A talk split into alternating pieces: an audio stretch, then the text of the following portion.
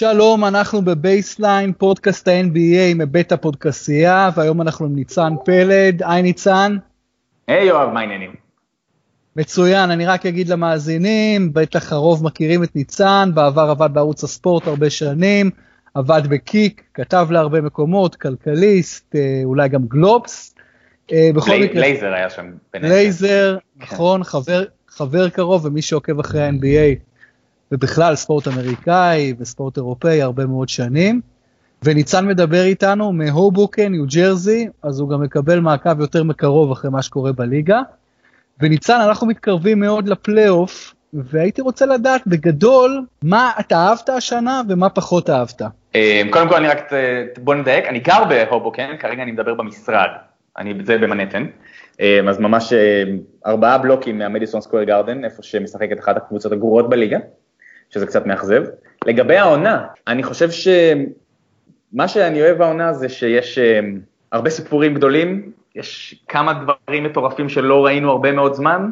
מצד שני, לי זה תמיד בא ביחד עם קצת יותר מדי הייפ מכיוונים שמתרשמים קצת יותר מדי מכותרות גדולות, וזה איזשהו דיסוננס שאני תמיד, שקצת מחרפן אותי בתור אוהד ספורט בדרך כלל, שכשאני רואה דברים שהם גדולים, אנשים דואגים לעשות אותם קצת יותר גדולים ממה שהם באמת, ואז אני מיד מפתח אנטי.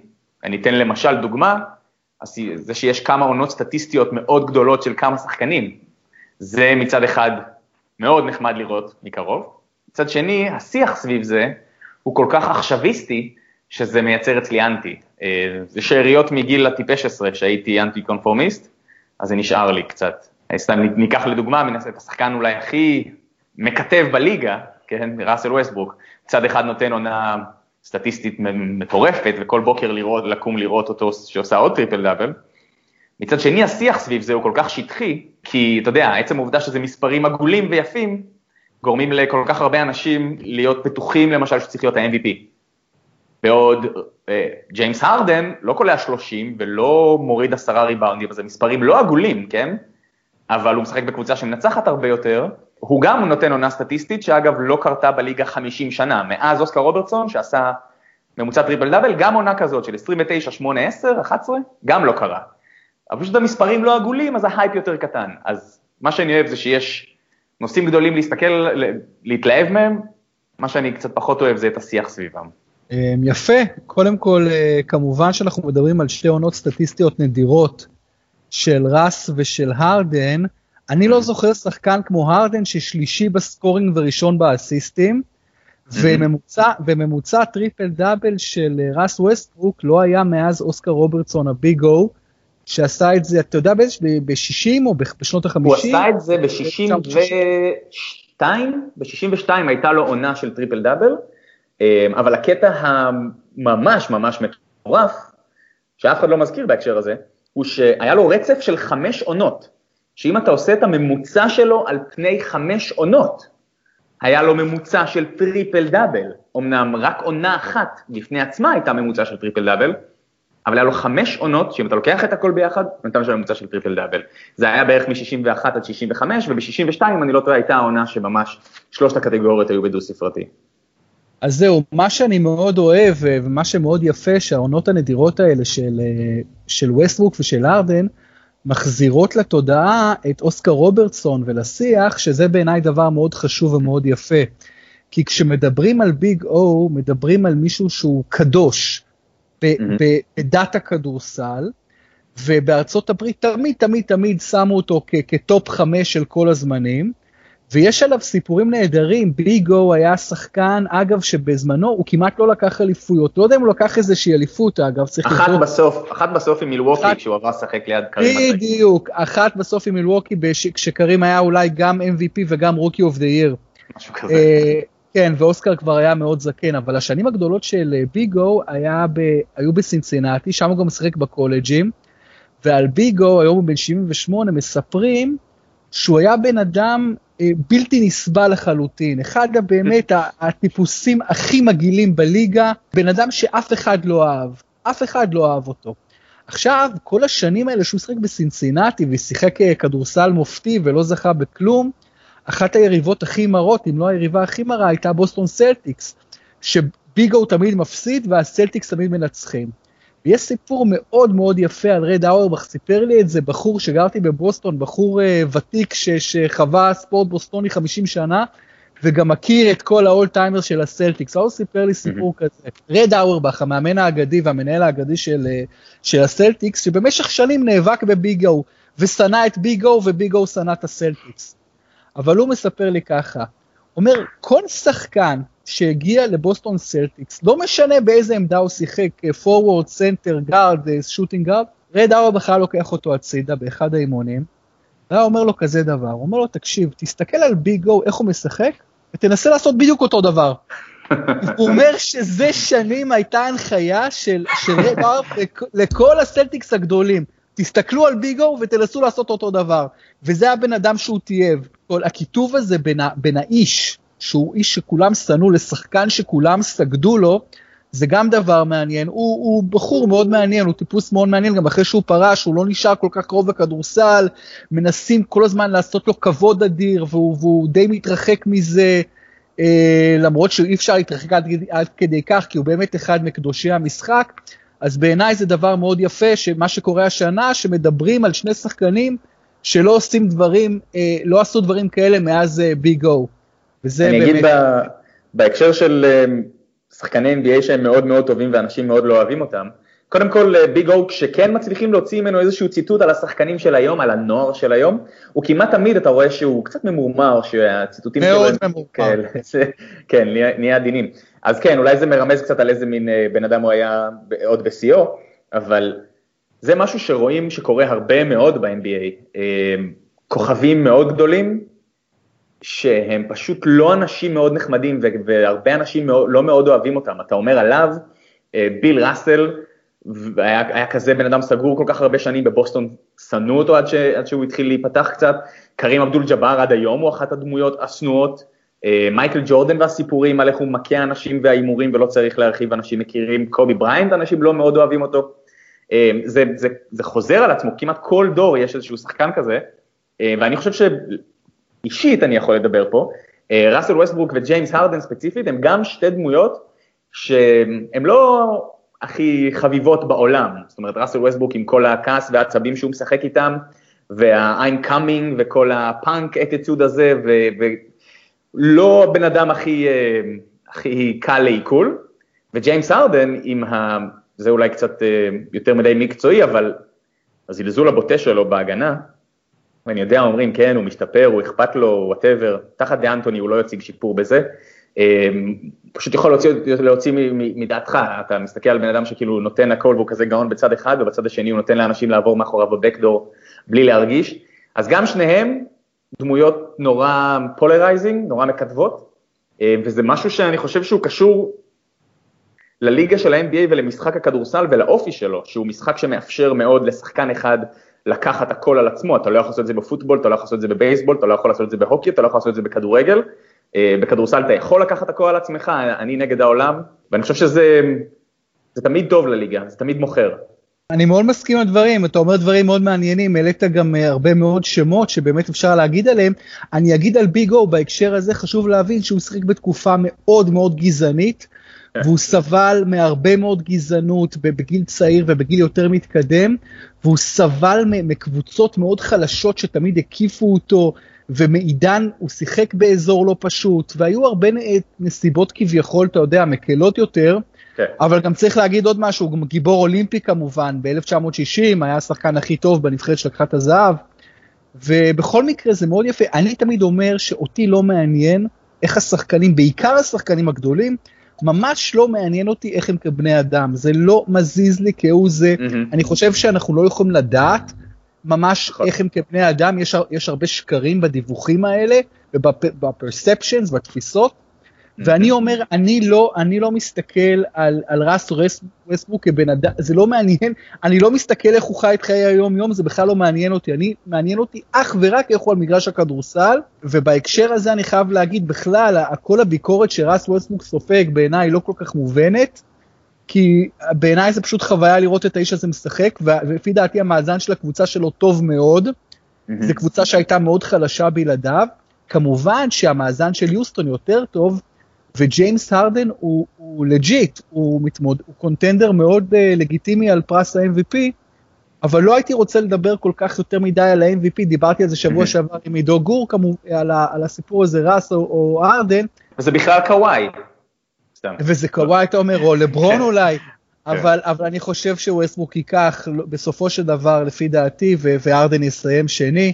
אני רק אגיד על ההקשר הזה, אם אתה רוצה לשים את הכסף שלך על מי ייקח את ה-MVP, אמ, ב-50 ומשהו שנה שנותנים את הפרס הזה, יש לך מספיק אצבעות בכף יד אחת לספור את המקרים ששחקן זכה ב-MVP, בלי שהוא שיחק באחת משתי הקבוצות הראשונות ב conference. אמ, אז, או אפילו, או אחת משתי הקבוצות הראשונות ב conference, או ב top 4 של הליגה, זאת אומרת, ה case של ווסטברוק אה, מתמודד פה נגד היסטוריית מצביעים מאוד מאוד מאוד מאוד ברורה, שמעדיפה שחקנים מ-1-2 ב conference, או top 4 בליגה. שיש, אבל כשיש triple double ממוצע, כל, כל החוקים האלה נשברים. נכון, אבל אז אנחנו חוזרים באמת לעניין של מה זה triple double ממוצע והמספרים העגולים וזה סתם נחמד לראות, לעומת הרדן, ששוב, המספרים של הרדן 29, 8, 11, זה מספרים שגם צריך לחזור עד עונת 65 של אוסקר רוברטסון בשביל למצוא כאלה. מאוד קרובים, מאוד קרובים, מאוד קרובים. כן, ההיסטוריות שלהם זה דומה. אם הוא יזכה זה יהיה נגד האופי של המצביעים. כן, אבל אתה אומר שאתה לא אוהב את ה...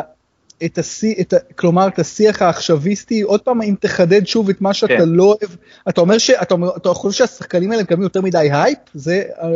כן, חד משמעית, אה, בגלל שאני לא מסוגל לראות את הכדורסל של ה-NBA של היום, בלי אה, כל הזמן לראות איך הוא, איך, איך הכדורסל הזה הוכתב על ידי השינויים שהוכנסו לליגה אה, על פני כמה שנים בין 2001 ל-2004 בכמה פעימות. פשוט אחרי שנות התשעים הקשות והכדורסל האיטי וההגנתי והפרישה של הדור הגדול של ה eighties והמשבר שה-NBA נכנס אליו, הם היו צריכים יותר נקודות ויותר אה, משחקים מלהיבים והם הכניסו כמה שינויים, שני שינויים מאוד מאוד מאוד מאוד קריטיים. אחד, hand checking, שאני לא אסביר עכשיו, אבל לכו ליוטיוב או לוויקיפדיה, אה, אה, תראו הסברים, hand checking הכוונה, בגדול, אסור לעצור בגופך היום את התנועה קדימה של שחקן עם הכדור, שזה חוק מגוחך בעיניי, כן? שאסור לעצור את התנועה קדימה של שחקן עם הכדור, ויחד עם זה הוסיפו אחרי שנתיים שלוש את השלוש שניות הגנתי ואת החצי עיגול באמצע, אה, מתחת לסל, מה שבעצם יצרו עם החוקים האלה, זה פשוט הכתיבו לכל הליגה איך לשחק כדורסל, והתשובה היא אחת, תן כדור לגארד שתוקף עם הפנים לסל, והוא יגיע לסל כל פעם שהוא רוצה. שתי סיבות, א', אסור לעצור אותו עם הגוף, ב', אף אחד לא יכול לחכות לו מתחת לסל, זה הכל. אבל ניצן, אבל ניצן, אתה לא חושב שהצד הנגדי של זה, זה שיש, אה, אה, אין over calling, השופטים מאפשרים משחק, נכון שאין hand checking, אבל מצד שני, השופטים מאפשרים משחק הרבה יותר אגרסיבי פיזי מאשר המשחק שאנחנו מכירים מאירופה למשל. אז כן, יש מאירופה בוודאי, אני, אני משווה את זה לכדורסל שגדלתי עליו, אה, כן. ואני אגיד לך מה, סתם אם ניקח לרגע לדוגמה וכל העכשוויזם הזה, קח אנשים כמו קווין ג'ונסון וטימי הרדווי. הם סיימו קריירות, בשנים הגדולות שלהם הם היו שחקנים של 2011, 2010. אמ, בכדורסל של היום, אותם אנשים בדיוק עם אותו skill set, אפילו אל תוסיף להם את הקליעה לשלוש, שכל מטאטא היום יורה, כן, דה מרקוס קזינס קולע 2 מ-5 ל-3 בממוצע למשחק. אפילו אל תוסיף להם את הקליעה לשלוש. הם היום שחקנים של 30 נקודות למשחק. עם אייזאה תומאס הנוכחי הוא שחקן של 29 נקודות למשחק, ודמיין לילארד הוא שחקן של 26-27, וכל רשימת מובילי הקלעים של ה-NBA, חצי, 50% ממנה היא, היא רכזים, טימי הרדווי וקווין ג'ונסון ועוד הרבה שחקנים שגדלנו עליהם בסוף שנות ה-80 תחילת שנות ה-90, שחקנים של 30 נקודות למשחק היום, כי החוקים בנויים לזה, בנויים למי שתוקף עם הכדור, עם הפנים לסל, לעבור את השומר שלו ולהגיע לצבע בקלי קלות. עכשיו כשאני רואה את זה, אז אני רואה, זה יכול להיות ראסל ווסטברוק שהוא לא רכז טבעי, זה יכול להיות ג'יימס הרדן שהוא לא רכז טבעי, זה יכול להיות גם לברון ג'יימס כשהוא משחק עם הפנים לסל, זה לא באמת משנה התפקיד, ההגדרה הקלאסית, זה משנה מי מוביל את הכדור, מכדרר והוא נמצא עם הפנים לסל מול שומר אחד. ואז אתה מקבל ליגה שבה כל הקבוצות משחקות כמעט בדיוק אותו דבר, וכל הגארד, לכל אחת יש שחקן עם הפנים לסל שתוקף, הוא חודר לסל כי קל מאוד להגיע לשם, ואז או שהוא קולע או מוציא פאול, או שהוא זורק, מוסר החוצה לשלשה, לשלשה בפינה שהיא שלשה קצרה יותר, וגם זו בעיה לדעתי שצריך לתקן, אה, ואז אתה פשוט מקבל ליגה שהיא כולה מוטה לכיוון שחקנים שתוקפים עם הפנים לסל, והמספרים שלהם מתנפחים, ואני פשוט קשה לי להתרשם מזה. אני אגיד לך, קודם כל, מה שאמרת לגבי קיי-ג'יי וארדווי, אני מסכים, אני לא יודע אם 30 למשחק, אבל בוודאי היום, KJ בבסיס שלו בטח שחקן של 27-8, וטימי בטח 25-6 בקלות.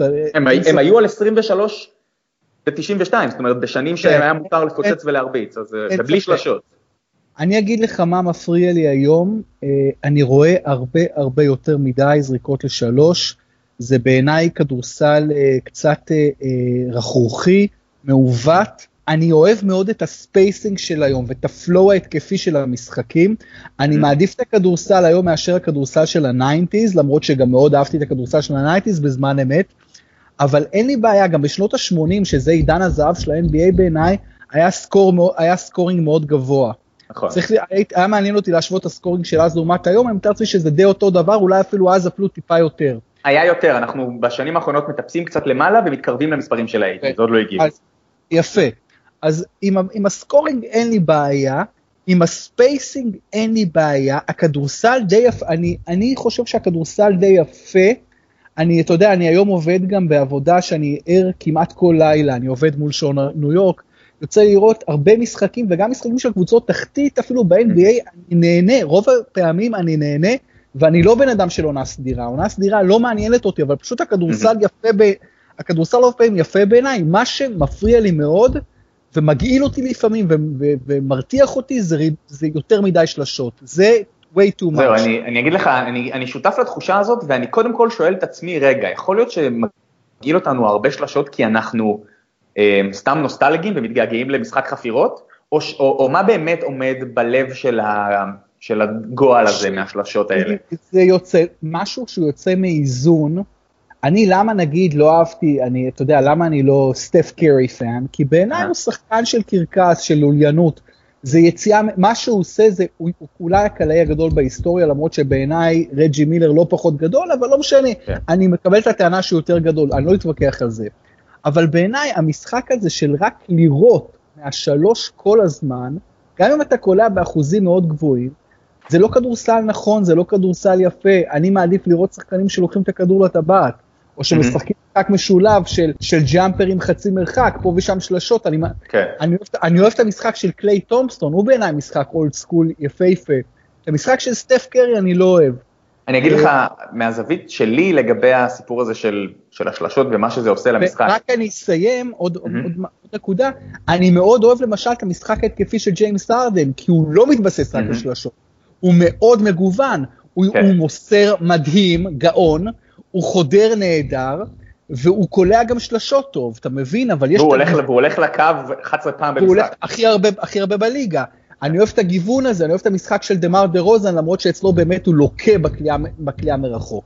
כן, אבל זה... את המשחק של סטף, את המשחק המעוות הזה, אפילו את המשחק של יוסטון, שהם כל הזמן, זה הולך להם, אני לא יכול להגיד שזה לא הולך להם. כן. אבל לראות כל כך הרבה יידוי שלשות במשחק אחד זה, זה too much, כאילו אני, אני לא... לפני כמה זמן היה משחק של יוסטון, שהיא זרקה בו 40 ומשהו פעם לשלוש, או 50 אפילו, 40 ומשהו פעם לשלוש, אמ, איזה 10 זריקות פחות מזה היה עונשין, ועוד 5 זריקות, זריקות פחות מזה היה לשתיים, זאת אומרת, הכי הרבה מהשלוש, אחר כך מהעונשין, אחר כך לשתיים, יכול להיות שזה קרה קודם, לא בדקתי, אבל זו פעם ראשונה שאני ראיתי ושמתי לב לזה, אמרתי לעצמי, וואו, זמנים השתנו, אתה יודע, בימים שרג'י מילר היה הקלעי המוביל, או הקלעי השלוש המוביל בליגה, הוא היה זורק שלוש פעמים למשחק. דרזן פטרוביץ' היה קלעי שלוש שעות מדהים, היה זורק פעמיים וחצי למשחק, היום ברוק לופז זורק חמש פעמים למשחק. כן, זה מאוד ישן, עכשיו אני אגיד לך... אתה מבין, זה בדיוק, הסנטרים זורקים לשלוש בלי הבחנה, כאילו זה... אני אגיד לך מה מפריע לי בזה, אני במקרה ראיתי משהו ביוטיוב בעוד איזה לילה בלי שינה, ויוטיוב הציע לי לראות extended uh, highlights, זה תשע דקות כאלה, אתה יודע, יש הרבה סרטונים כאלה ביוטיוב, של דו-קרב בין ג'ורדן לדרקסלר מעונה רגילה של 92, זאת שנגמרה בגמר ביניהם. כן. אה, שניהם נתנו איזה 40 ומשהו נקודות. ראיתי את התקציר, ובזמן שאני רואה את התקציר אני אומר לעצמי, כאילו אני פתאום מתחיל להבין למה אני שונא, או למה מגעיל אותי כל ההמון שלשות האלה, אני התחיל כאילו, לא, זה לא רק נוסטלגיה, התחלתי להבין מה עומד בבסיס השנאה הזאת, והסיבה היא כזאת, בשביל ששחקן ייתן היום 35-40 נקודות למשחק, לא למשחק, במשחק, אמ, זה אומר ב-90% מהמקרים שהוא תפס יום מטורף מהשלוש, ואז זה באמת יכול להיות כמעט כל אחד. ו... ואני ראיתי את המשחק הזה, ג'ורדן נגד רקסלר. דרקסלר בטח לא לקח שלושה אחת, אני לא זוכר את דרקסלר פעם לוקח שלושה.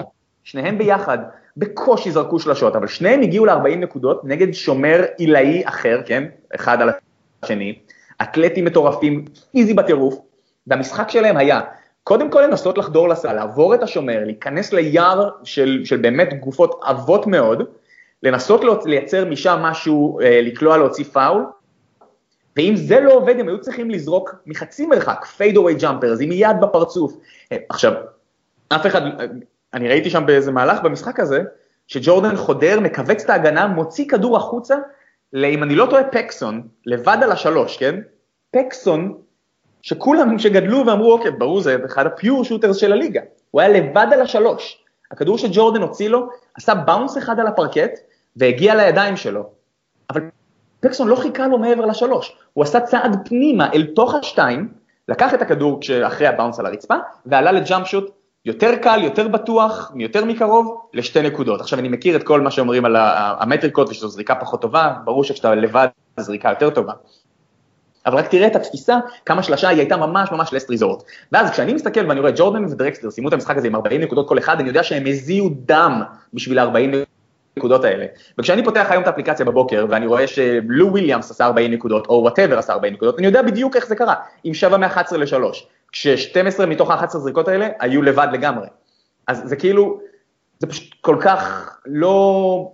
עובדים פחות קשה בשביל, בשביל ה-40 נקודות האלה, פשוט לעמוד מטר מהשלוש ולהפציץ. עכשיו זו אומנות וזה סבבה, כשזה היה רק סטפן קרי זה היה מדהים בעיניי, אבל היום כשאני רואה באמת שהטכניקה של לקלוע לבד מהשלוש היא טכניקה שגם אנשים כמו ברוק לופס ודמרקוס קאזינס יכולים לסגל, זה מפסיק להיות מדהים בעיניי. אם כל אחד יכול לעשות את זה, זה לא מדהים. ואם כל הליגה זורקת מלא שלשות, וכל ליגה קולעת מלא שלשות, וכל ליגה זורקת מלא שלשות חופשיות, אז זה, זה לא מדהים בעיניי, וזה לעבוד הרבה פחות קשה ברמה האישית בשביל להוציא את הנקודות האלה, אז זה פשוט מגיע עם פחות הערכה מצידי. אני חושב שצריך להרחיק את השלוש, אבל עכשיו יכול להיות שזה באמת הנוסטלגי שבי מדבר. אני חושב שצריך לקחת את השלוש עוד קצת אחורה ולראות מה זה יעשה למשחק. אני, קודם כל אני מסכים איתך, באירופה בטח שצריך להרחיק, זה מגוחך שזה עוד יותר קרוב מה-NBA, ובאמת שלשות פעם בכדורסל שגדלנו הייתה novelty, הייתה novelty act, אתה יודע, קרייג הודג'ס היה קלעי שלשות אה, אדיר בשיקגו, אבל לא שחקן לגמרי זניח, כן. וכל מה שהוא יודע לעשות זה, זה, זה, זה הוא היה קלעי שלשות מדהים, אבל הוא בקושי שיחק, כי לא היה לו הרבה, כי לא היה לו כמעט כלום מעבר וזה לא הספיק. היום יש לך שחקנים שלא יודעים לעשות כלום חוץ מלקלוע שלשות טוב, וזה נותן להם אה, חוזים. ראיין אנדרסון למשל, שזה... ראיין אנדרסון, קרג אה, קייל קורבר, כן, זה... כן, צ'אנינג יש... פריי, זה אנשים שלא יודעים לשמור, לא יודעים לקחת ריבאונד. לא יודעים לכדרר, לא יודעים כלום. עומדים בפינה וזורקים שלשות. אז זה משהו בדיוק, זה משהו שהוא שלילי, אבל המשחק הוביל, המשחק הוביל אותנו לסיטואציה הזו, שיש פרימיום על השלשה, ולכן השחקנים האלה עושים קריירה ב-NBA. לא משנה שהליגה היום הרבה יותר גדולה, עם הרבה יותר קבוצות והרבה יותר שחקנים פר קבוצה, ויש היום הרבה יותר שחקנים בינוניים ובינוניים מטה ב-NBA, מבחינת כדורסלנים קומפליט, uh, לעומת העבר, זה בטוח. כן. זה בטוח. בליגה של היום, אנטוני מייסון למשל, שבשיאו היה שחקן של, אתה יודע, 15, 10, 5, מספרים יפים מאוד, כן. מה אנטוני מייסון עושה בליגה היום? הוא לא, כאילו, הוא, נכון? הוא, בקצה, הוא, הוא בקצה הספסל של איזה קבוצה, אלא אם כן, הוא יתחיל לקלוע שלושות. והוא יתחיל, כן? כי כולם זורקים היום, גם הוא יתחיל. יהפכו את אנטוני מייסון ל stretch four. כן, נכון, אנטוני מייסון הוא stretch four. שזה הכי לא stretch four בהיסטוריה כמובן, זה כן. נגד כל מה שהוא, כל מה שהוא סימל, אבל אה, אני מסכים, אבל בגדול מה שאני אוהב זה באמת את ה... אני, אתה יודע, קודם כל אני אוהב שיפוט ב-NBA ברוב המקרים. אני אוהב את ה... הקבוצות מאומנות טוב, ה spacing טוב, הפלואו טוב. אתה יודע, כן. אני אוהב את ה... אפילו, אתה יודע, שאתה רואה פה, אתה גר בארצות הברית, אתה בטח רואה מעט מאוד כדורסל ישראלי או אירופי. אני לא מסוגל להסתכל אפילו פה על, על הפרופורציות מגרש, המגרש הוא קטן מדי, כמובן שאף אחד לא מדבר על זה אף פעם בישראל אי פעם. אתה יודע, אנשים לא מודעים שמדינות המגרש יותר קטנות מאשר אה, בארצות הברית, קולג'ים ו-NBA, ואתה יודע, ופה אין לך בכלל מקום לביטוי כמעט, אתה מבין? זה... אפרופו הגדל, הגדלים של המגרש, אה, אם הרעיון של להרחיק את השלושה הוא רדיקלי מדי כרגע וגורם לי להישמע בין 80, הייתי מתחיל מלהפוך את קשת השלוש לכמו באירופה, במובן הזה שכל מקום שאתה עומד עליה, אתה באותו מרחק. בשביל לבטל את השלשה מהפינה, שהיא זריקה הרבה יותר קרובה משלשה מקדימה או מאלכסון, אמ, רק מזה הייתי מתחיל. קודם כל, מזה ששלשה מהפינה לא תהיה צ'יט, כי כרגע היא צ'יט, ומה שאמרת על זה שקבוצות מאומנות טוב, יש פרימיום ב-NBA גם על, על אימון טוב, ואת זה אני אוהב. זאת אומרת, אה, כן.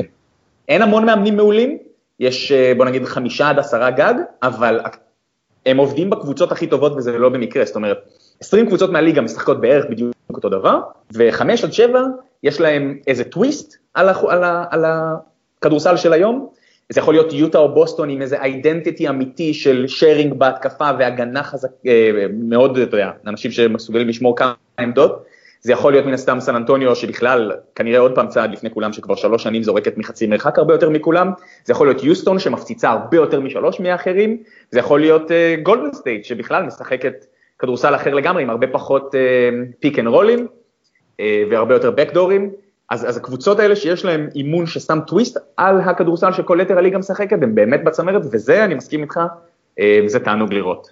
כן. כל לילה כמעט יש משחק של שתיים או שלוש מהקבוצות האלה, ואז זה באמת, זו חוויה שהיא uh, נדירה. ניצן, בוא נלך עכשיו לתוך uh, מאבק הפלייאוף. Uh, לצערי, לא מספיק קבוצות מעורבות במאבקי הפלייאוף uh, בשני האזורים, וחבל. אבל בוא נתחיל עם, ה... בוא נתחיל עם המזרח דווקא, כן. ושם יש, לנו, יש לנו יותר fight מאשר במערב. אז uh, מקום 6 אינדיאנה 34-33, mm-hmm. מקום 7 דטרויט 33-34, משחק אחד אחריהם. מקום 8 כן. מילווקי 32-34, חצי משחק אחרי דטרויט, ואז יש לך את שיקגו ומיאמי עם 32-35, אה, ואחריהן... אה, עוד חצי משחק אחורה, כן. אז יש לך בעצם שני משחקים מפרידים בין מקום 6 ל-10. שני, בדיוק, בדיוק. כן. אז מתוך ה... אז יש לנו חמש קבוצות שמתחרות על שלוש מקומות, כרגע שיקגו ומיאמי בחוץ, אינדיאנה, דטרויט, מילווקי בפנים. מי אתה חושב בסוף אה, יעשו את הפלייאוף? האמת שזו שאלה שבעיקר לדעתי צריכה ללכת ל schedules של הקבוצות ולראות מה נשאר להם. אני יכול להגיד אה, כרגע ברמת המומנטום, שמילווקי ודטרויט אה, במומנטום חיובי, שיקגו במומנטום שלילי, אז אני מאמין ששיקגו לא תעשה את הקפיצה מתשע אל תוך הפלייאוף, אבל, אבל ביחד איתם, מיאמי באותו מאזן, הייתי אומר שבסוף זה יהיה אינדיאנה ומילווקי, ואחת מבין מיאמי או דטרויט. בתור אוהד שיקגו, אני, אני לא רוצה שהם יגיעו לפלייאוף. א', אה, כי זו קבוצה שנבנתה בצורה גרועה ואיומה וממש, ואם הם לא יגיעו לפלייאוף יכול להיות שיהיו קצת זעזועים בצוות המקצועי, החל מפרייד הויברג אה, ודרך אה, גר פורמן וג'ון טקסון, ואז אולי גם לך תדע יצא מזה איזה בחירה גבוהה עם הגרלה טובה. אז, אז שיקגו אני באינטרס שלי לא רוצה שתגיע, דווקא מאוד מאוד התאכזבתי מהחצי השני של העונה של שרלוט, שפתחה את העונה בהתאם לציפיות והייתה סביב 50 אחוז והייתה בתוך הפלייאוף, הייתה קצת מעל 50 אחוז, ובנויה לפי, לפי איך שצריך לבנות קבוצה בליגה העונה, ונכנסה לאיזה spiral בחודשיים האחרונים, והיא כרגע תשעה משחקים מתחת ל-50 אחוז, כבר לא תגיע לפלייאוף, וזה מאכזב בתור חובב קמבה ווקר גדול.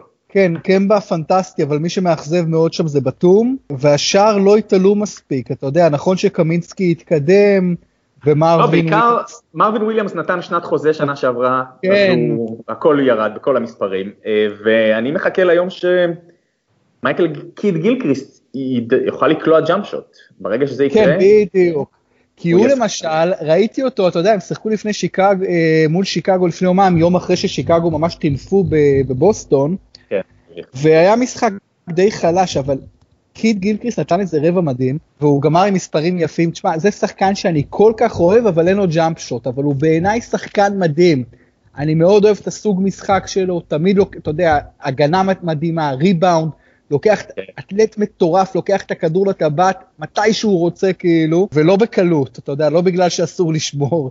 כן, אה, לא, הוא בריון אמיתי, אני, הלוואי והוא יצליח אה, הוא שחקן שחייבים לקדם אותו. זה אומר שהוא, אתה יודע, זה אומר דבר אחד, הוא צריך לעבור לספרס. כן. הוא יעבור לספרס, הוא יעשה 40 אחוז לשלוש. עכשיו, אם אה, באמת תחזור למאבק הפלייאוף שם, אז קודם כל מה שמיאמי קורה איתה זה מדהים, ה-32-35, אריק ספולסטרה מאמן מעולה, הוא עושה את הכי הרבה עם הכי מעט בקונפרנס הזה, אני חושב, ולא הייתי, אני לא אומר שאני רוצה לראות אותם, רוצה לראות אותם בפלייאוף, אני לא אוהד שלהם והם קבוצה די אפורה, אבל הם נותנים עונה באמת יוצאת מן הכלל, בטח ל, ל, יחסית לאיך שהם התחילו ויחסית לכוח אדם שלהם. ודטרויט באמת יש להם טאלנט והם מאכזבים קצת, ומילווקי בתקופה טובה. למרות שהם... מילווקי, כן, הם, פארקר נפצע ומידלטון חזר, כן. אם הם שניהם היו בריאים הם היו מעל אינדיאנה, הם היו כן, אבל, אבל כנראה שגם ג'בארי לא טוב כמו שחשבו שהוא יהיה, הוא לא, לא עושה רושם של שחקן צמרת בליגה, אבל uh, מה שעושה יאניס זה מדהים, ו- וג'ייסון קיד מאמן טוב, ויהיה מעניין שם. בוא נעבור למערב. כשיאניס היה, רק התחיל לשחק ואמרו טוב, יש לו את ג'ייסון קיד, הם ינסו לעשות ממנו point guard. זה היה אחד מאותם דברים שאתה שומע עליהם כל הזמן ואף פעם לא באמת קורים, והנה זה קרה, זה, הוא לא באמת משחק point guard, ההתקפה עוברת דרכו, וזה. באמת מדהים. כן, כן, הוא שחקן מדהים, ויש להם גם rookie נחמד, שבחרו אותו steal בבחירה מאוד נמוכה, ברוגדון. ש... כן. שנותן יופי של עונה. אז אני אומר, אני חושב ש... אז בוא, מי אתה אומר השלוש מהחמש שלך בפלייאוף בסוף? אתה אמרת דטרויט, מילווקי ו... אמרתי שדטרויט יהיו בחוץ, שזה יהיה אינדיאנה, מילווקי ומיאמי. אה, אוקיי. אז אה, אני דווקא אשמח לראות את, לא אכפת לי לראות את אינדיאנה בחוץ, למרות שאני לא, אתה יודע, אני אשמח אם זה יהיה מילווקי, אה, נגיד דטרויט ו- ומיאמי. אה, בוא נעבור למערב עכשיו, ושם יש מאבק אה, פחות מעניין על הפלייאוף, יש את דנבר, שעם 32-35 מקום 8, היא חמישה משחקים אחרי ממפיס, אז זה לא כן. ממש תחרות שם. לא, ו... מאבק רק על הכרטיס השמיני. בדיוק, כרטיס שמיני ושניים וחצי, בואו אני רוצה להתרכז בקבוצה שאחרי דנבר, כן. אה, יש את פורטלנד עם 29-37, ואז יש את מינסוטה, משחק אחד אחרי עם 28-38. אז mm-hmm. קודם כל פורטלנד, שמע, זה אחד הדברים שממש נשגבים מבינתי, כי שם יש בקורט מדהים, יש מאמן טוב מאוד, שרץ עם הקבוצה הרבה שנים, יש קהל מדהים, ואני לא מבין איך הם עם 29-37, מה לא דופק שם? אני חושב שזה בעיקר העובדה שלילארד ומקולום הם כנראה, לפי כל ה-advanced metrics, הם בבוטום חמש של העמדה שלהם בהגנה. וואלה, זה על... מסביר את זה אולי. כן, על כל סל שהם שמים הם חוטפים. הם שחקנים התקפיים כל כך מוכשרים וכיפים כן. לצפייה, שזה משהו, זה כאילו... אבל אתה יודע, זה מצחיק, אמנם זה, אגב, דאלאס באותו מאזן כמו מינסוטה, אבל איכשהו לא נראה לי שהם יעשו את הקפיצה מעל מינסוטה נכון, ומעל נכון, פורטלנד נכון. ומעל בוא נדבר עכשיו, בוא נעבור מהר למינסוטה, ושם יש אולי את השחקן הצעיר הכי טוב בעולם, קרל אנטוני טאונס, שבאמת כן. אה, שחקן של 24, 25 ו-12, זה, זה מפ... בגיל מה, 21, 22? כמה הוא? בן 20, 21, כן. הוא, אין לו יותר, אין לו עדיין 22. אה, פשוט שחקן מזהיר, אגב גם כן במקור מג'רזי. נובמבר או ויש לידו עוד שחקן שאני מאוד אוהב, אנדרו ויגינס, שהוא אתלט מטורף, ובינתיים לא הצליח, עם טיבודו עדיין זה לא עבד, ומאזן 28-38 שהוא לא טוב. כן, הקטע הבעייתי, כן מה?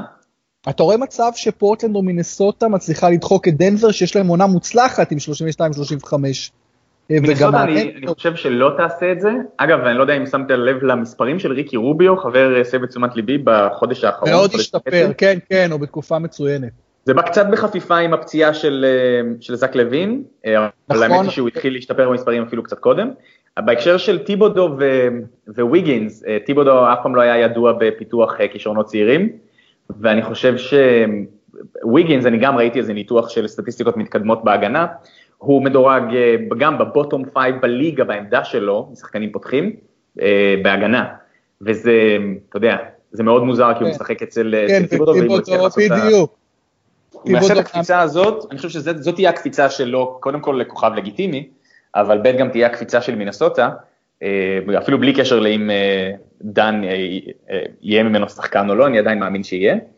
אני לא חושב שמינסוטה תעשה את הקפיצה לפלייאוף, אני כן חושב שאני הייתי מסתכל על סוכניות ההימורים ורואה איזה יחס אני מקבל על זה, אבל הייתי שם את הכסף על זה שפורטלנד אולי כן תעבור את דנבר, דווקא בגלל הסנטר שהיא שלחה לפורטלנד. אה, כן, הוא... שחקן, אה, כן, משחק נהדר לאחרונה, נהדר. הוא יצא, הוא יצא מסיטואציה שלא התאימה לו בכלל, לסיטואציה הוא היה second banana של יוקיץ', שיותר טוב כן. ממנו, נכון. והוא אבל, ממש אבל, ממש אה, טוב מאז שהוא עבר. אבל אני חושב שמבחינת management בדנבר עושים עבודה טובה מאוד. כלומר, בנו שם, אה, כן. יש להם הרבה מאוד אה, נכסים. הם קצת אה, בוסטון לעניים, בדיוק, יש להם הרבה מאוד נכסים, כן, הרבה מאוד נכסים, הרבה מאוד שחקנים על כמה עמדות. עשו בחירות דראפט מאוד יפות לרוב, ובאמת בנו מכלום, בנו משהו נחמד מאוד. צפוף להם בכנפיים וצפוף להם ב stretch four, ואם יצליחו קצת לדלל את העמדות האלה בשביל עוד נכסים, הם באמת יכולים להיות... אה, תראה, בוסטון זה קצת מוזר כי הם לא נחשבים contender, אבל איזה מהירות הם עשו את ה rebuild, זה מדהים שהם 2-3 במזרח. איזה מהירות אה. הם עשו את ה... את ה את המלמעלה עד למטה ושוב למעלה. אה, ואני חושב שדנבר יכולה ללכת קצת בצעדים שלהם, ואם ייפתח לה איזשהו חלון, אם יוטה לא תתממש וקליפרס מסיימת את הדרך שלה, ייפתח לה איזשהו חלון לדנבר להיות קבוצת top 4 במערב בשנים הבאות. אוקיי, okay, בוא נדבר עכשיו בקצרה על מצ'אפים מעניינים שיכולים לקרות בפלייאוף. בוא, בוא נתחיל הפעם במערב, אנחנו עדיין כמובן לא יודעים מי ייקח שם 1-2, ואז זה יהיה נגד דנבר או נגד פורטלן או נגד... אה, אה, ואז יש לנו את ממפיס. ממפיס זה לא מעניין יותר מדי, אוקלהומה סיטי בשש נגד יוסטון כנראה. יוסטון כן, שלוש אה, כמעט בטוח. מה שאני, שאני מאוד מקווה זה שסן אנטוניו תעבור את גולדן סטייט, גולדן סטייט תסיים שתיים, ואוקלהומה תרד חצי משחק אחורה ותסיים שבע, ואז אנחנו נקבל גולדן סטייט אוקלהומה סיטי בסיבוב הראשון. זה... כן. לא, לא, לא, לא, לא זוכר סדרת סיבוב ראשון יותר חמה מזאת כבר עשר שנים. ויוטה קליפרס כנראה ייפגשו ב-4-5, מי אתה, מי אתה חושב פייבוריטית שם? אני, אני עכשיו שמעתי את הפודקאסט של אמ, זאק לואו וביל סימונס שאיחדו כוחות לראשונה מזה שנתיים בערך, והם דיברו ספציפית על ה matchup הזה. אמ, זאק לואו הוא כמובן תנ"ך, והוא אומר שאם יוטה תסיים יתרון הביתיות, אז זה 50-50, ואם uh, לקליפרס יהיה יתרון הביתיות אז הוא לא רואה את יוטה עוברת, אז אני אלך איתו. הם כרגע שני משחקים אבל מאחוריהם, אז זה קצת בעייתי. אני חושב שקליפרס יכולים לקחת את יוטה גם בלי יתרון ביתיות, פשוט כי יש להם כן. יותר טאלנט. יש להם פשוט כן, יותר ניסיון. ואני לא ממש מבין את הנסיגה ביכולת של בליי גריפין, זה די uh, מטריד, בכלל העונה של קליפרס לא טובה. הם all over the place, אני חושב שהנסיגה ביכולת של גריפין היא בעיקר בגלל השינויים הקיצוניים שהוא עובר בכל פעם שקריס פול כן משחק או לא משחק, אין שחקן בקבוצה שזה משפיע עליו יותר. אה, הוא בעצמו לא הבחור הכי אה, יציב עם אה, ראש על הכתפיים, רגליים על הקרקע, תקרא לזה איך שאתה רוצה, וזה לדעתי משפיע עליו יותר מאשר על שחקנים אחרים, זה, זה מחוסר יציבות בתפקוד שלו, כי בלי גריפין, אני מאמין מאוד גדול בו, אני חושב שכשהוא משחק בלי קריס פול הוא מראה שהוא הרבה יותר מאשר מה שחשבו בהתחלה שהוא, הוא מוסר מצוין, הוא מנהל את המשחק מה, עם הפנים לסל, קצת אה, מחצי מרחק, אה, הוא מגיע לחמישה שישה אסיסטים כשפול לא משחק בממוצע למשחק, יש לו המון מה לתרום, אני חושב שהוא קצת לא מוצא את המקום שלו בין פול לג'ורדן, כן. וזה נורא משפיע עליו העובדה שפול לא, לא משחק כל הזמן, בריא כל הזמן.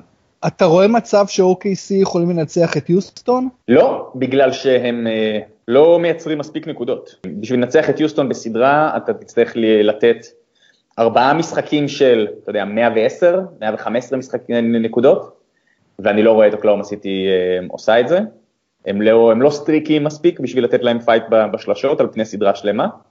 אה, ליוסטון, יוסטון, אתה יודע, הבעיה עם שלשות בפלייאוף היא כמו הבעיה עם המאניבול ואוקלנד לפני 15 שנה, היא שבפלייאוף הדגימה קטנה יותר, וזה קצת מוריד, זה, זה, זה מעלה את, את, את הבעיה של... המוטיבציה, גדול, המוטיבציה הרבה יותר גדולה, השופטים נותנים יותר, אפילו יותר להרביץ, והכדורסל יותר פיזי ויותר לא, ברוטל. אבל אני אומר אפילו ברמה, ברמה הסטטיסטית, בגלל שהדגימה קטנה יותר, אז ברור שיש הרבה יותר מקום לסטיות, ואז אם אתה מתבסס על מספרים גדולים, כי זה מה שמאניבול בעצם אומר, להתבסס על מספרים גדולים, בגלל זה זה התחיל מהבייסבול, וזה מה שגם דריל מורי עושה ביוסטון. אז זה פחות תופס לפלייאוף בהגדרה. כן, אבל מה שיוסטון עשו, עם ההבאה של לו וויליאמס גם, זה שיש להם היום חמישה או שישה שחקנים בקבוצה שיכולים, שקולעים בוא נגיד שתי שלשות ב-40 אחוז פלוס מינוס, זאת אומרת הם ממש גידרו את עצמם מצוין בהקשר של כן. אה, מישהו יתפוס יום היום, מישהו, שני אנשים יתפסו יום היום. אה, אז על פני סדרה שלמה זה יכול לקרות ארבע פעמים וזה יכול לקרות מול כל אחד, זה יכול לקרות מול גולדן סטייט וזה יכול לקרות מול סן אנטוניו. זאת אומרת יוסטון כל כך סטריקים שיכולה להביא איזה הפתעה. אין ספק שדריל מורי בנה שם יופי של קבוצה, כמו שאתה אומר, באמת גידר את עצמו בהמון קלעים מעולים, וגם מה שקלינט קפלה עושה inside זה שדרוג על דווייט הווארד, זה ילד, אה, סוג של ילד, הוא אתלט, אתלט מדהים קלינט קפלה, באמת, אה, כן. הוא פוטנציאל עצום, וכבר עכשיו... כן, ועכשיו אני גם ראיתי את ננה משום מקום, נתן רבע גדול נגד, רבע שלישי או רביעי, גדול נגד קליבלנד, הוא היה בכל מקום, הוא היה אקטיבי בהגנה, הוא פתאום קצת שם שמר אזורית וסיט מסירות והוא רץ. כן, ננה הוא שחקן פנים מוכשר ואז כשלישי יש להם את הרל שהוא לא רע. אתה רואה מצב שווסטברוק בפלייאוף בין אם הם מנצחים או מפסידים קולע פחות מ-45 ממוצע למשחק? בוא נתחיל מזורק פחות מ-45. עזוב, זורק, כן. כן, אה, עם, עם ווסטברוק, אה, אני אגיד לך, אני חושב שהביקורת היחידה הקטנה שיש לי כלפיו, ואין הרבה ביקורת כלפי השחקן המטורף והמדהים הזה, היא שבגלל שהוא כזה טוב וכזה ריכוזי באופי, בסגנון שהוא משחק עכשיו, התקרה של, של אוקלהומה סיטי היא די גבוהה. זאת אומרת, זה לא שיש להם סגל מדהים והמאזן שלהם מאוד טוב ובמערב, זאת אומרת, התקרה עם ווסטברוק, כמו שהוא משחק היום, היא גבוהה. אני עדיין אה, חושב כי ש... יש, שם, יש שם את סאם פרסטי שהביא לו עוד שחקנים יותר טובים עכשיו לאחרונה, כן, יש את האד גיקסון, כן. נכון, שדד, אני מאוד, אה, יהיה מאוד מעניין שם, אנחנו חייבים לעבור למזרח אבל, כן. אוקיי, ממש בקצרה, סדרות שיכולות להיות מעניינות במזרח, אז השמונה נגיד, אז, אז אוקיי, קליבלנד בינתיים לא נדבר סיבוב ראשון, בוסטון אה, יכולה אולי, אתה יודע, יכול להיות אפס, לא, איך תדע אם אני בוסטון... חושב שהסיבוב הראשון במזרח הוא גלולת שינה. אה, כן. רצינית. טורונטו, טורונטו אטלנטה יכולה להיות סדרה חמודה, וושינגטון אולי, לא, אין, זה באמת גלולת שינה. כן, הפער, כל הקבוצות עם היתרון ביתיות אה, יעברו את הסיבוב הראשון ובלי יותר מדי בעיות, ואחר כך זה יכול להיות מעניין מאוד, בגלל ש... על המשך הפלייאוף פשוט אנחנו צריכים לדבר, נדבר בהמשך, שיותר יתקדם בכיוון הזה, אבל היום באמת דיברנו על העניין, על באמת על הדברים היותר אה, עמוקים אני אקרא, הדברים שמאפיינים את הליגה לטוב ולרע, ומאוד שמחתי לדבר על זה. וניצן, אנחנו בטוח נהיה איתך בקרוב מאוד שוב.